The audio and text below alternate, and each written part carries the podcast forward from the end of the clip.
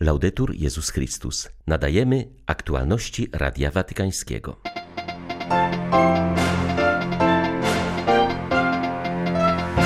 Medytacja sprawia, że stajemy się współcześni Jezusowi. Jesteśmy niejako obecni na kartach Ewangelii, powiedział papież podczas audiencji ogólnej. Przewodniczący papieskiej Rady Kultury, kardynał Jean-Franco Ravasi uważa, że literatura i sztuka stanowi lekarstwo duchowe podczas pandemii. Biskupi indyjscy przypominają, że dostęp do tlenu medycznego pomagającego przezwyciężyć COVID-19 nie może być przywilejem najbogatszych, ale jest prawem wszystkich. 28 kwietnia witają Państwa Krzysztof Bronk i ksiądz Krzysztof Ołdakowski. Zapraszamy na serwis informacyjny. Metoda modlitwy jest drogą, a nie celem. Każda metoda modlitwy, jeśli chce być chrześcijańska, jest częścią pójścia za Chrystusem, stanowiącego istotę naszej wiary. Te słowa papież skierował podczas dzisiejszej audiencji ogólnej.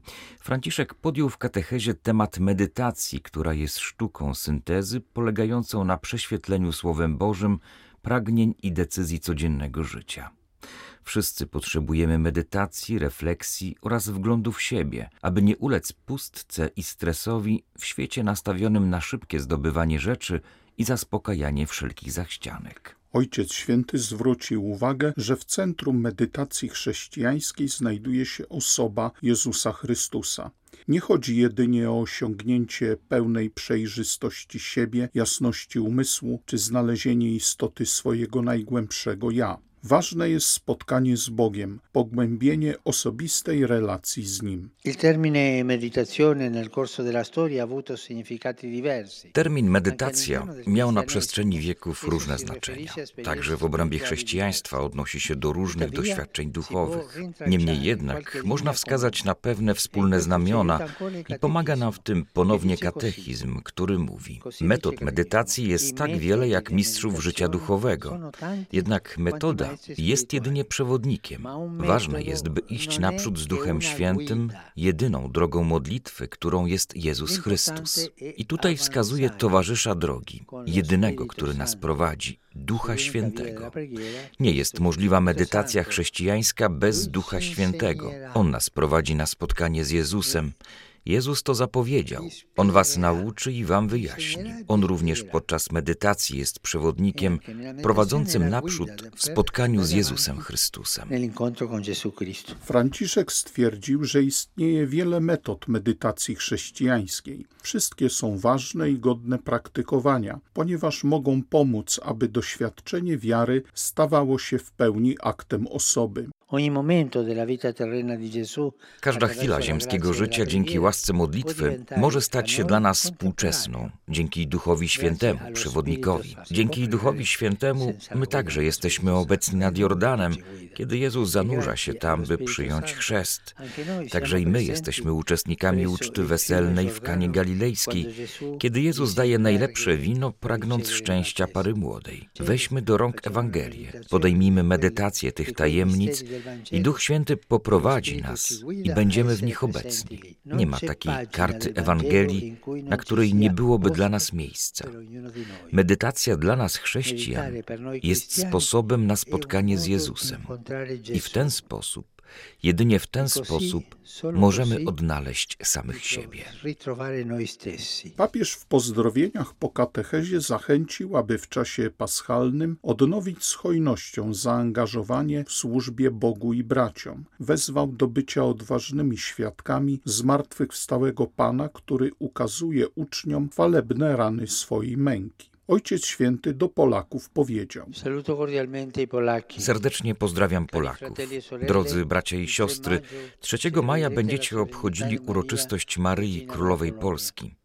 Od XVII wieku naród polski nadaje ten tytuł Matce Bożej, oddając się w jej matczyną opiekę i zobowiązując się do wiernej służby dla sprawy królestwa jej syna.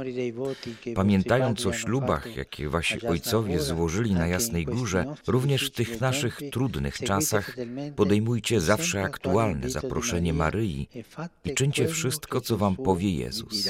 Jego błogosławieństwo niech towarzyszy każdemu i każdej z Was, Waszym rodzinom i całemu narodowi polskiemu.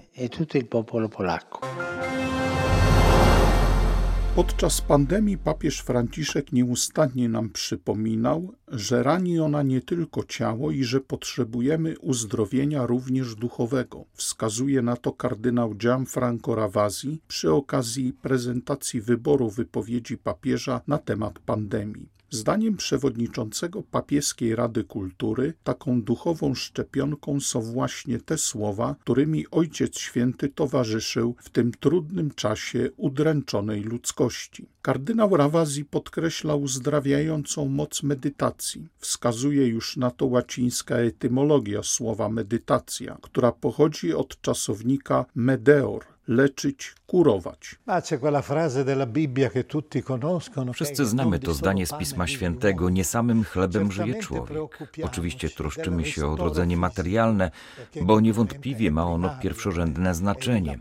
Nie zapominajmy jednak, że osoba ludzka potrzebuje też jednak myśleć, marzyć, potrzebuje sztuki, piękna.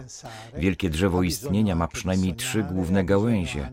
Jest to na pewno prawda, dobro, czyli etyka, ale też i piękno. Ciekawe jest to, że w czasie pandemii, a zwłaszcza lockdownu, odnotowano większą sprzedaż książek.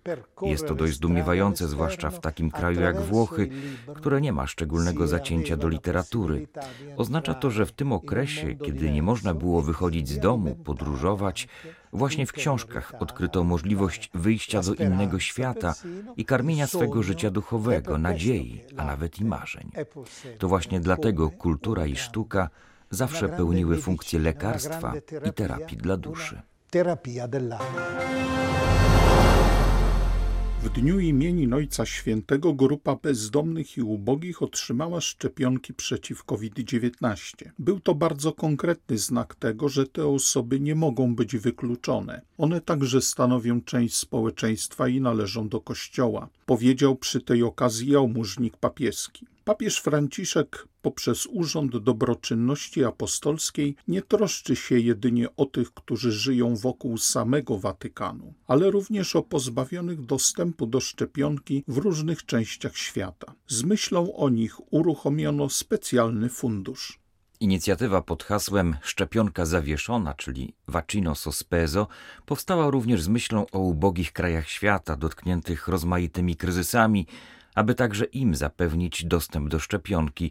Tę ideę przybliża kardynał Konrad Krajewski. To pojęcie vaccino sospeso to ja spotkałem w Napolu. Gdy ktoś idzie do baru, pije kawę, bo Napolitańczycy muszą kilka razy w ciągu dnia wypić kawę, a jednocześnie płaci za kolejną kawę i nie wie dla kogo. Czyli gdy przyjdzie biedny do baru, to wtedy otrzymuje kawę gratis, od osoby nieznanej, która zechciała wstrzymać jedną kawę dla potrzebującego. I w ten sposób pomyśleliśmy, że ci, którzy są zaszczepieni już, dlaczego by nie pomóc y, tym, którzy nie mają prawa być zaszczepieni? Ogłosiliśmy taką y, chęć pomocy poprzez y, Vaccino Sospeso, czyli jakby darowaną szczepionkę. Od takich wpłat na konto Ojca Świętego od 5-10 euro po 5 tysięcy i nawet więcej. To już jest zebrane około 200 tysięcy euro, czyli już 100 tysięcy z tych euro wysłaliśmy do Syrii. Nuncjusz zajmie się między innymi szczepieniem tych najbiedniejszych, więc 100 euro z tych pieniędzy zostało przesłane, a kolejne pieniądze, kiedy wpłyną, zostaną rozesłane po świecie.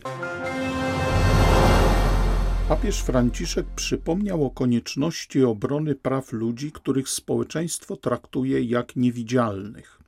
Chodzi innymi o migrantów i więźniów, którym odbiera się nawet prawo do godności imienia – i traktuje wyłącznie jako liczby, najczęściej dokumentujące kolejne tragedie. Wskazuje na to Mauro de Palma, który jest jednym z trzech gwarantów praw osób zatrzymanych lub pozbawionych wolności we Włoszech, którzy zostali przyjęci przez Ojca Świętego na prywatnej audiencji.